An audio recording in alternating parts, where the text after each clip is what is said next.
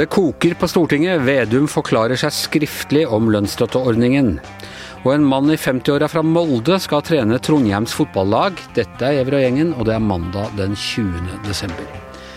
Ja, eh, Tone Sofie Aglen, du kommer direkte fra Stortinget til eh, studio nå. Hvordan er stemningen?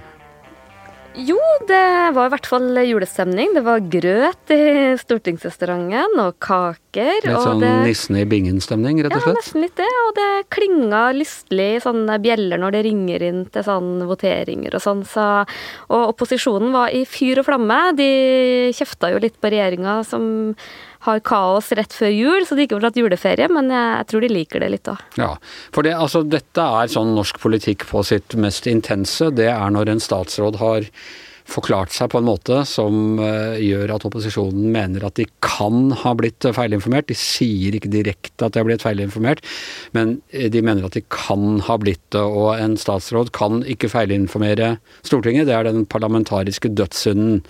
Og det jeg ikke har fått helt tak i, det er altså eh, Vedum har sagt at man skulle gjerne gitt mer lønnsstøtte, eh, men man har ikke kunnet gjøre det pga. regelverket til EU, eller til ESA. ESA, ja.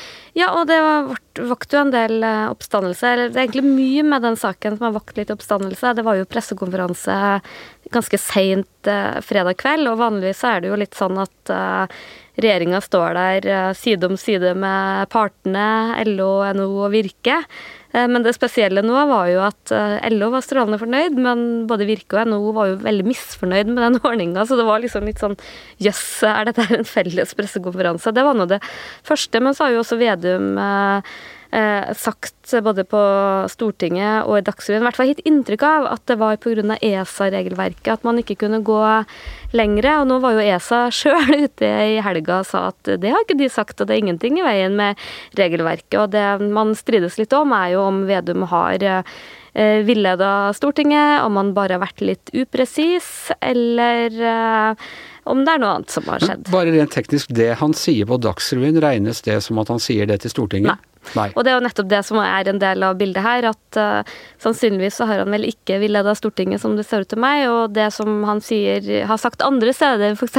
på Dagsrevyen, kan jo gi et litt sånn inntrykk av en litt sånn Vedumsk lettvinthet, at det er EU sin feil. Uh, vi skulle gjerne gått lenger, men hvis du Men det er jo ikke å villede Stortinget. Nei. Nei. Hva, vet, hva har han sagt direkte på Stortinget som er eh, For uh, Sylvi Listhaug er jo ikke fornøyd med skriftlig redegjørelse. Hun, Nei, hun har jo sendt et, nok et nytt brev eh, om at Vedum må komme og, og redegjøre. Han har sagt at han skal redegjøre skriftlig. Så det er ganske mye sånn ord mot ord om hva som egentlig har skjedd, og man prøver å få Vedum til å komme. Han har svart med å kalle inn eh, finanskomiteen til seg oppe på, det på Finansdepartementet. Det er jo også litt uh, Det er ikke parlamentarisk skikk. Nei, så det er litt sånn, eh, litt sånn uklarhet rundt. Og så er det jo også det, sånn, det Det har jo skjedd ganske mye med den der, disse ordningene på veldig kort tid, som også gjør at man kan jo skjønne at ikke alt har blitt perfekt, og man ikke er eh, fornøyd nok, da.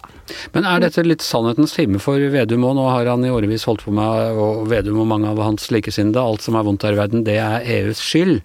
Men nå når han da faktisk står ansvarlig, så står han ikke så fritt til å eh, henge bjella på katten på den måten?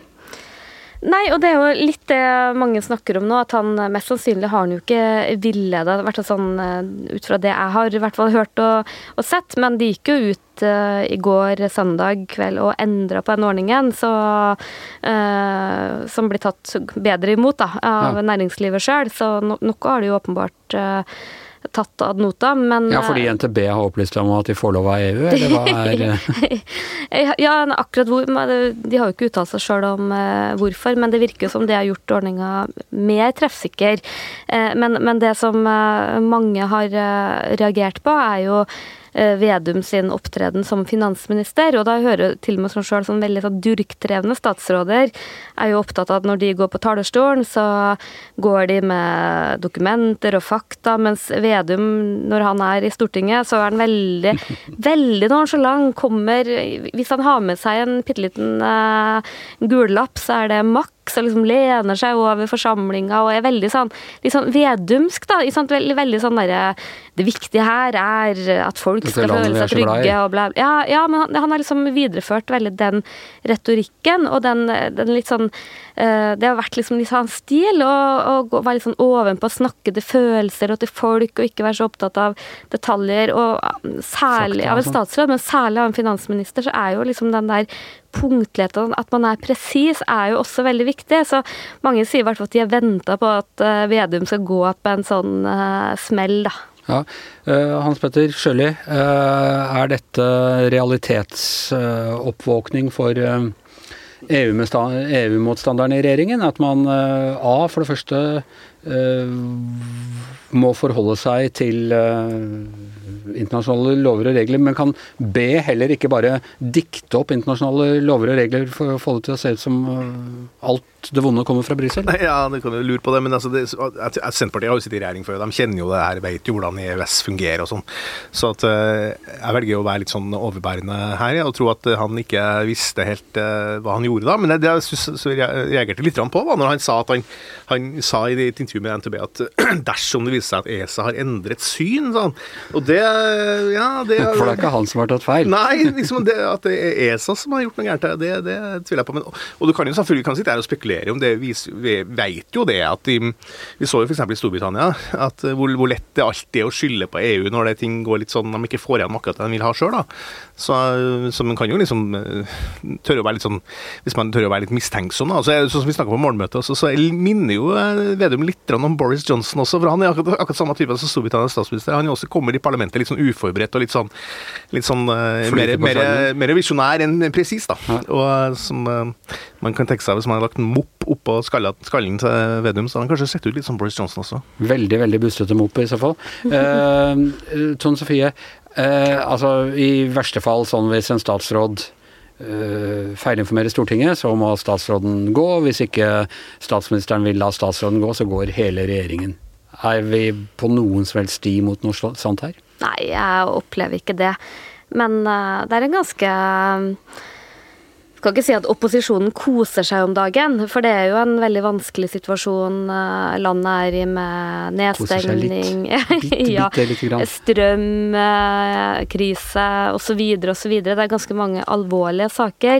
Men, eh, men det er litt sånn der pussig hvordan eh, en fersk regjering som nå burde liksom ha liksom sine beste måneder da, med å prøve vingene og alt er nytt og spennende og interessant, hvordan de er litt sånn inni det alt de tar i blir til gråstein. I beste fall eh, gråstein? Ja, ja, og ser det på målingene nå. kommer stadig nye målinger, publiserte og upubliserte, som eh, viser at de går tilbake, Høyre gjør det bra. Og det er liksom en eh, situasjon hvor jeg, tror du har en utrolig aktiv opposisjon som som tar alt. Og det er en veldig sånn spesiell situasjon da, som, som landet er i. Og jeg tror opposisjonen har gode dager og er også veldig aktiv. Ja, altså Det som er morsomt å se på, på opposisjonen, er at ikke altså Noen i opposisjonen har sånn, vi vil gi mer penger, og sånn, eh, sånn type Rødt og Frp og sånn har vært ute med en gang og kjefter på at tiltakene er for dårlige, vi trenger mer penger. Men så har du har en litt sånn, opposisjon, ansvarlig opposisjon også, som er representert særlig ved hun eh, Tina Bru i Høyre, synes jeg, som, som er angripet på en myk måte, men litt sånn, litt sånn med, med, autoritet, med sin egen statsrådsautoritet. Jeg syns det er veldig spennende å følge Tina Bru eh, akkurat nå. Ja, fordi, Hun er liksom blitt opposisjonens sånn sobre ja, røst? Ja, og fordi at Erna Solberg begynte å være litt sånn bjeffende litt sånn sint på regjeringa, mens Tina Bru kjørte en mer sånn Ja, litt sånn eh, Viste at du hadde litt autoritet, da. Så det, sånn hvis vi ser litt inn i framtida også, sånn i forhold til sånn, hvem som eventuelt tar over for Erna, sånn, så, så syns jeg liksom, Tina Bru er i ferd med å liksom stige fram som en litt sånn Ja, en slags lederskikkelse i, i Høyre. Mm, Hva tror du?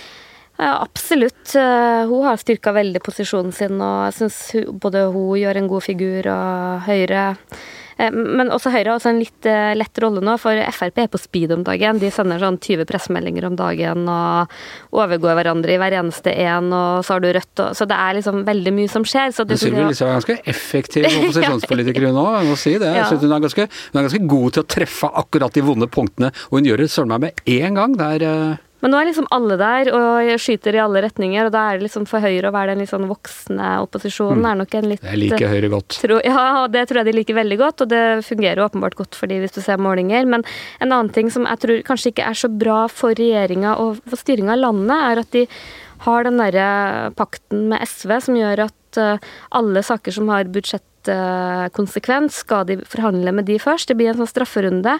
Og, og, men jeg er veldig usikker på om det er så veldig bra både om pandemi og strøm og den type saker, for du klarer ikke å få den litt sånn breie forankringa på Stortinget, og det tror jeg de hadde tjent på.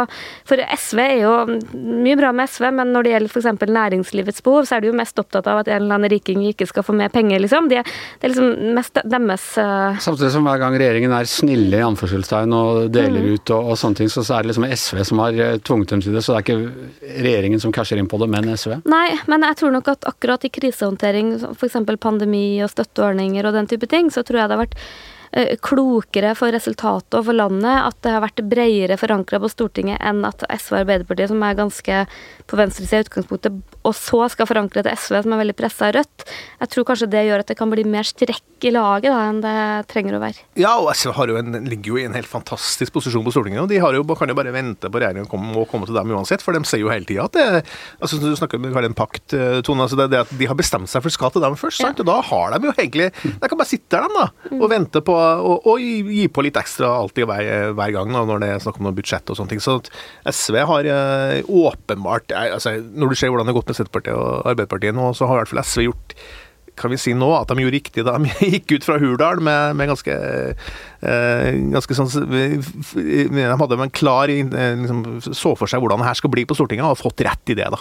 Nei, luring han eh, Lysbakken. Vi må ta én ting til med, med regjeringas uh, problemer. Sånn, så Vi snakket jo litt om, om uh, gjenoppløsning av uh, av de nye fylkene her mm. før helgen. Uh, og vi uttaler i vanlig moderate ordlag, uh, du og jeg. I dag klinker vi til altså Det hender vi beskyldes i, i mediene for å ikke være så tydelige på lederplass, men i dag er VG veldig, veldig tydelig på hva man mener om gjenoppløsning av fylkene. Det er en skandale og, og Det nærmer seg en skandale. Hva? Nærmer seg en skandale, mm. ok. men, men hvis man da, det må vel bety da, at hvis man gjennomfører denne oppløsningen, så er skandalen et faktum? Ja, og jeg er faktisk uh, tilbøyelig til å være enig i den lederen. Uh, det er jo ikke alltid man er, man er det i egen avis. Kan vi avsløre såpass uh, rundt dette bord? Det, det, hender vel at vi at Er det noen som skjærer gjennom? Vi tar, ja. vi tar dissens på, på møtene, ja. ja. Nei da. Nei, det det er mange grunner til å være oppgitt over det som skjer, og jeg har jo egentlig vært en ganske stor fan av å ha, av å ha fylker eller større regioner, For jeg mener at det, det demmer opp for den kommunestrukturen vi har, og gjør det mulig å, å tenke litt sånn helhetlig regionalt og og sånn, men uh, det er jo veldig mye negativt å si om den regionreformen, at den var for dårlig forankra og sånn. Men jeg opplevde at det var ganske stor uh, tverrpolitisk enighet om at uh, større regioner, mer oppgaver, mer makt er liksom verdt et mål, og, og den ble på ingen måte perfekt. Men når politikerne nå skal bruke masse penger, mye politisk kapital, 400 krefter, millioner på ja, opp mot 420, om jeg ikke husker feil, eh, anslår de sine egne notater at det vil koste. I tillegg så kosta det jo i hvert fall 300 millioner å opprette Viken nå, så det blir jo nesten Du får noen varme eh, dusjer for det ja, beløpet Men, det, men, i tillegg så får du jo du får flere år hvor de i realiteten vil være dysfunksjonelle, for det er veldig vanskelig å ta langsiktige beslutninger. De vil liksom bruke alle sine krefter på å være et sånn type Eh, oppløsningsbo eller forretningsministerium. Så sier disse politikerne at det er så viktig for legitimiteten til fylkene. Jeg tror legitimiteten til fylkene er lav, om det er Østfold eller om det er Akershus eller om det er eh, Sogn og Fjordane eller hva det er. Ja, ja, jeg vil ikke gå så langt. Jo, jo, jo da, men eh, Og det, Viken er helt sikkert ikke perfekt, men eh, de sier jo at en del ting er de ganske godt på vei. Kommer ganske godt i gang som ny organisasjon. Har det nå etter hvert blitt en slags merkevare. Ennå hvor mye tyn og, og kjeft og utleing de har fått. Og i tillegg så har det også blitt en større stemme som blir mer lytta til eh, med andre statlige aktører og sånn. Så jeg tenker liksom, hvis de var litt voksne, de fylkespolitikerne, så skulle Hitler en sjanse få det her til å prøve å fungere istedenfor å gå rett på oppløsning. Dette her syns jeg er politikk på sitt aller dummeste. altså må jeg bare. Altså, det har irritert meg kraftig over det her. Altså, det er midt i en pandemi? Vi har store utfordringer i Norge. Eh, vi bruker enorme summer vi skal nå også ved å kompensere for alskens tiltak. tiltak. Så skal vi da, midt oppi det der, så skal vi da opprette flere fylker. Altså en, et, et, eh, et ledd i den norske forvaltninga som ingen egentlig har noe forhold til. Det skal, vi skal tilbake til flere du skal ikke opprette dem egentlig. Jo, du skal, grave dem opp til gamle. Ja, ja, men du skal jo på en måte lage nye, da. For du har jo noen som du skal fjerne, og så skal du igjen, eh, få noe nye. da, så at av alle ting så skal norske eh, politikere holde på med. Og det viser jo bare at fylkespolitikere egentlig er bare opptatt av sin egen eh, skal vi si, rolle og egen, egen jobb, da. Altså, er det her noe vil, altså, Det er ingen som egentlig etterspør det her, bortsett fra sånn, av sånn nostalgiske årsaker. Men det er ingen som, som spør om har, har, det blitt noe verre tilbud i Viken? Har det, har det blitt verre i Viken? Har det blitt, er det noe som påvirkes av det? Nei, det er ikke det. Men, men altså, la oss si at de ikke hadde gjort det, da.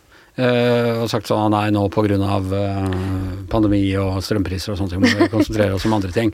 Da hadde kanskje vi sittet her nå og sagt at ha-ha-ha, de valgløftene om, uh, om, å oppløse og tilbakeføre, det visste vi alle at det kom aldri til å bli noe av. Sånn. Ja, og politikerne må love mindre valgkamp, det har jeg alltid ment. Så det er en uh... Ja, Så de, det var da de begynte å love det at uh, feilen skjedde? Nei, men det er, liksom, det er og det er jo sikkert ting som ikke er perfekt med det, og, og, og, og sånne ting.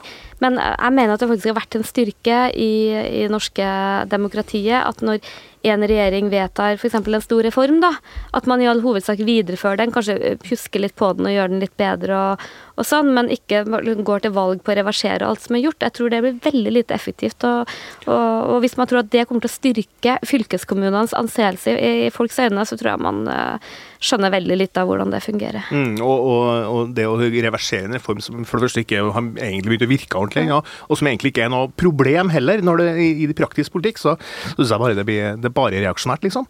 Og, husk på at Viken altså er, alle snakker om det er så digert og sånn, det er Norges sjette største fylke. altså det er ikke det, I flatinnholdet, ja. ja sånn det er, I folk er det jo det største. Ja, men det er ikke Det er, altså, det er bare på Østlandet sånn, sånn har man tro på at liksom, det, det, er ikke noe av vi skal, nær, vi skal være nærme hverandre og sånne ting. Men sånn er jo ikke Norge. Norge er langt, ikke sant. Og det Viken er bare altså, jeg, jeg, kjenner jeg blir Det her hisser jeg meg opp litt over. Det, det er en av de få tingene i norsk politikk jeg faktisk føler meg føler litt sånn irritert på, og så er det akkurat det der. Hva må vi innføre norske amt igjen? Du kommer jo fra Nesodden hvor lokalavisen heter Akershus Amtstidene. Ja, ja. Min første avisjobb var med å gå med Akershus Amtstidene. Jeg er enig med det som står i lederen, at hvis uh, istedenfor å holde på å bale med det greiene her, så kan du like gjerne legge ned det greiene her.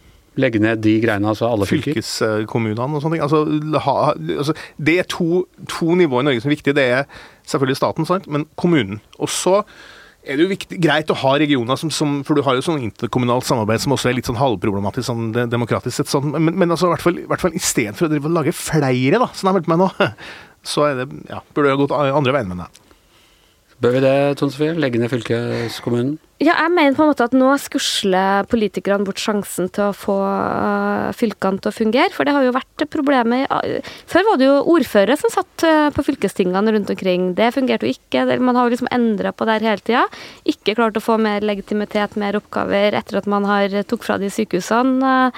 Eh, og jeg tror hvis ikke politikerne tverrpolitisk klarer å fylle det, gjør de relevante for folk, så, så tror jeg faktisk også at, at, det er bedre å bare avvikle de og få større og sterkere kommuner. Og det har helt åpenbart noen nedsider. Så så det er liksom Jeg tror at, det, at de virker helt mot sin hensikt, sånn de holder på nå med den der eh, å oppløse fylker. Jeg tror vi må invitere fylkeskommunal vaktbikkje Ketil Mossleth i studio for, for, å få svare på dette her. Gamlisvits der, Anders. Hva? Litt gamlisvits der. Det er gamlisvits. Jeg har bare gamlisvits. Ja, ja, ja. Uh, dad jokes er uh... Jeg prøvde faktisk å vise den til dattera mi, og hun bare Herregud. Det var i, uh, i romjula så skal vi ha Harald Eia her på besøk og snakke om bl.a. humor og humor før og nå. Uh, er det blitt vanskeligere, er det blitt woke i det hele tatt, så da, da, kan vi jo eventuelt ta opp det også, uh, hvis vi får tid. Du, vi må over på en annen sak som opptar deg mer enn meg, uh, Hans Petter, såpass ærlig må vi være, og det er altså at moldenseren Kjetil Rekdal, kjent fra Marseille Ja, det husker du. Det husker jeg. Det er Ja, ja, en av de fotballøyeblikkene jeg faktisk så. Du, du så det live? Ja, ja, husker det er, det det? er så live på TV. Men, Ja, ja. Du, du husker at du så det? Ja, ja, ja, er du gæren. Dette var jo det, dette var det året hvor jeg fulgte med på både OL og fotball-VM og EU-avstemninga, så i 1994. Ja. Men nå skal Men her, han overta, altså. Det var vel i 1998 det her, da. eh, Fire år etterpå. Ja, 1998. i- 1998. i Sorry, sorry. Sorry ja. Eh, Men uansett så er det Kjetil Rekdal. Han er jo Ser du eh, hvor godt jeg fulgte med? Ja, ikke sant. Han er vel sånn Han er et sted mellom Molde og eh, Ålesund. En sånn eh, klassisk eh, møring, da, som det heter trøndersk. Og på trøndersk så er jo møring eh, ansett for å være noe av et skjellsord. Det er jo han, eh, Hans rotmål, Så jeg må lage en egen sang om møringene som eh, det verste trønderne vet. Eh, Men eh, nå har da Rekdal mot alle odds, og helt som en sånn lyn fra klar himmel, og helt ut av det blå, så, så ble han da plutselig trener i, i Rosenborg. Og det tror jeg mange oppi, eller det som jeg merker, da, mange oppi der syns det der er veldig veldig vanskelig at han kommer inn. For han har jo vært kjent for sånn type som har snak- snakka mye stygt om Rosenborg, og liksom eh, ja, fyrt opp da mellom i motsetninga mellom Rosenborg og Molde og sånn. Så han, eh, at han plutselig er der, det, det tror jeg for, for mange trøndere så er det ganske vanskelig å forholde seg til. Er det vanskelig for deg, Tone Sofie? Trønder? Eh, jeg tar det med fatning, men jeg, nå har ikke jeg vært veldig mange ganger på Lerkendal. Men eh, jeg husker i hvert fall sist jeg var der, så begynte de med den derre 'hater, hater, hater Molde by'. Det er veldig sånn. veldig sånn. Men altså eh, For meg er det ubegripelig at det går an å hate sånn på det, det nivået. Fotball, fotball er bare følelser. Sant? Det, er ba, det er egentlig helt barnslig. Det, det, er jo, det er jo sånn at det er jo en slags eh, substitutt for det som kunne ha vært mye verre. Ikke sant? Ja, ja. At, eh, du får ut en del sånne følelser da, som, du, som du tar ut der, som du, så, ellers så blir samfunnet ganske sivilisert. da. Eh, men jeg tror jeg så, eh, En erstatning for krig. Ja. Du, i, For de, de landene som pleier det. å krige mot hverandre. Noen av oss tar det ut på fylkeskommuner. Ja, det kjenner, jeg Noen veldig få av oss. kjenner for mer jeg i hjertepumpe på fylkeskommunene enn på Molde by, for, for å si det sånn, men som trønder. Men eh, nei, altså, jeg, tilbake til Rekdal. Jeg eh, tror at det kan være litt lurt av Rosenborg å bryte med litt med den gamle, den joviale trønder eh, Nils Arne Eggen-kulturen, og hente inn noe helt annet som en, en fyr som er eh, åpenbart veldig ambisiøs, og som er, eh, har lyst til det her, og som, som eh, har også nok pondus til å stå imot på en måte de der kravene som, som reises der oppe. Så eh, jeg er litt sånn forsiktig optimist. Jeg må jo innrømme, jeg som trønder jeg holder jo med Rosenborg, så jeg er litt forsiktig optimist da med at de har henta Kjetil Rekdal dit. Men altså, han kommer etter hva jeg forstår fra Obos-ligaen og skal da inn i Eliteserien. Og selv en som meg skjønner at å gå fra Obos-ligaen til Eliteserien, det er et hakk opp eller to. Ja, det kan du si. Han har trena HamKam da, opp fra faktisk nesten altså, HamKam har jo gått fra nedre divisjoner rett opp i, eh, i Eliteserien, og det er jo en kjempeprestasjon av eh, Rekdal. Eh, også for mine kilder sier at Rekdal er på et fint sted i livet. Han er, han er, i, Han er en voksen mann. Han er en voksen mann, han eh, vet hva han vil. Han, eh, han ser på det her som den store utfordringa.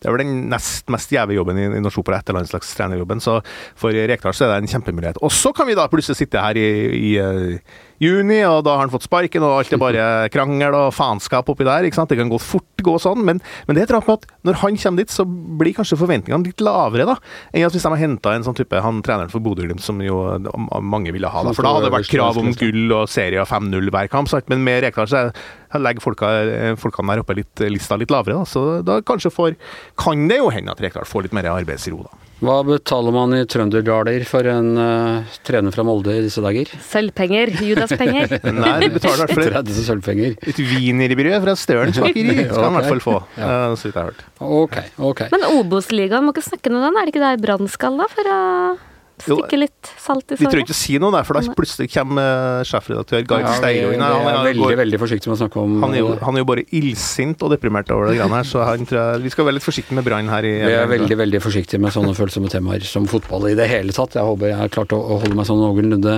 innenfor. Uh, og gjengen er uh, over for uh, i dag. En av, en av de siste sendingene våre dette året. Og jeg er veldig glad for at dere begge har kommet og vært i studio eh, eh, i dag. For det er, jeg må si det er tomt i huset, og det er tomt i sentrum nå, altså. Jeg kom inn her på VG-huset, og det var, det var helt tomt. Det, det eneste som jeg så, var dere, og én person til innpå her. Så det var, det var litt, eh, nesten litt sånn er spooky. Litt sånn postapokalyptisk ja.